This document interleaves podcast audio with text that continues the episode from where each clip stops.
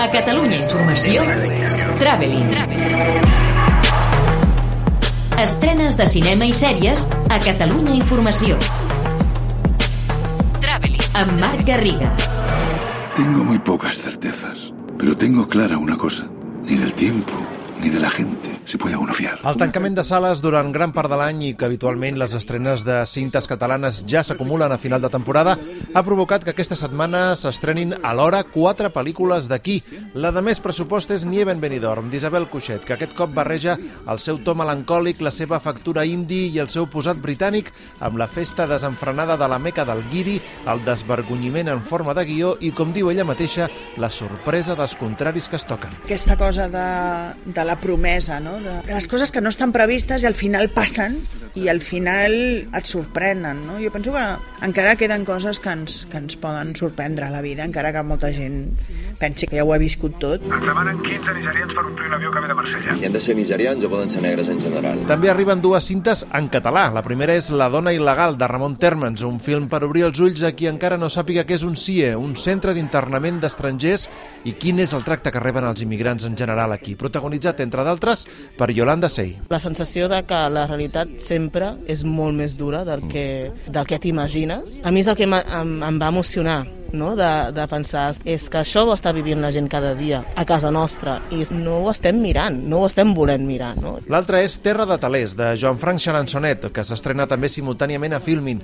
una pel·lícula que fa un recorregut de 60 anys pel segle XX, explicat des del microcosmos d'una colònia tèxtil ubicada a la riba del Llobregat. Tot vist per una nena de 6 anys que va creixent, com explica Alba López, co-guionista i una de les protagonistes. Vam decidir que anàvem a portar les eternes secundàries a davant de tot, perquè creiem que una mica era el lloc que els hi tocava i que històricament les havien relegat sempre allà darrere. I l'última és catalana però no té diàlegs. My Mexican Bretzel és un film sorprenent on la seva directora Núria Jiménez insufla una alenada d'aire fresc al cinema català. Concretament es tracta d'una ficció amb imatges reals, és a dir, d'una història inventada a partir dels vídeos casolans dels seus avis. Una mena de diari íntim llegit, que és també un drama romàntic intrigant i un d'aquells films que pot fer enrere pel seu risc, però que qui aposti s'endurà una grata sorpresa. This is Ether.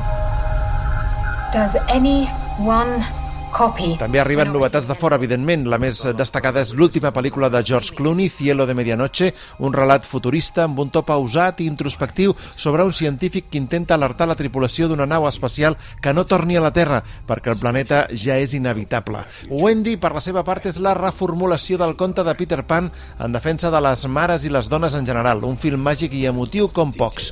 L'espanyola El arte de volver ens mostra una Macarena García platòrica en una pel·lícula sobre el desarrelament dels joves sense oportunitats a casa nostra. I també tenim terror amb otra vuelta de tuerca, memòria històrica amb la lecció de i drama a la italiana amb nuestros mejores años. We have come to this community behalf of a young girl. A les plataformes, la protagonista absoluta és Meryl Streep. Estrena el musical The Prom a Netflix aquest divendres, una adaptació de Broadway que és un cant a la integració de tot el col·lectiu LGTBIQ+, i l'experiment Déjales hablar de Steven Soderbergh, on l'acompanyen Diane West i Candice Bergen, rodada íntegrament amb dispositius mòbils en un creuer i que ja està disponible a HBO. A Movistar Plus també s'estrena el dia 11 el thriller d'acció no gaire reixit Ava, amb Jessica Chastain, sobre la vida d'una assassina a sou i on l'acompanyen Colin Farrell, John Malkovich i Gina Davis, i que coincideix amb Archive, una pel·lícula molt imaginativa que es va poder veure al Festival de Sitges que té moltes reminiscències de la sèrie Black Mirror. Hvor mange drab ser jeg på den involveret i? 138. I ja que parlem de sèries, per acabar, dos thrillers amb pocs capítols d'aquells que passen molt ràpid, molt recomanables. Són una producció danesa i una altra de britànica. La primera és The Investigation, sobre el cas del submarí, un crim real que va commocionar Copenhagen el 2017, a Movistar Plus a partir del dia 11, i l'altra és Manhunt, avalada per 10 milions d'espectadors al Regne Unit, i que també es basa en la investigació d'un cas real, l'assassinat d'una estudiant francesa.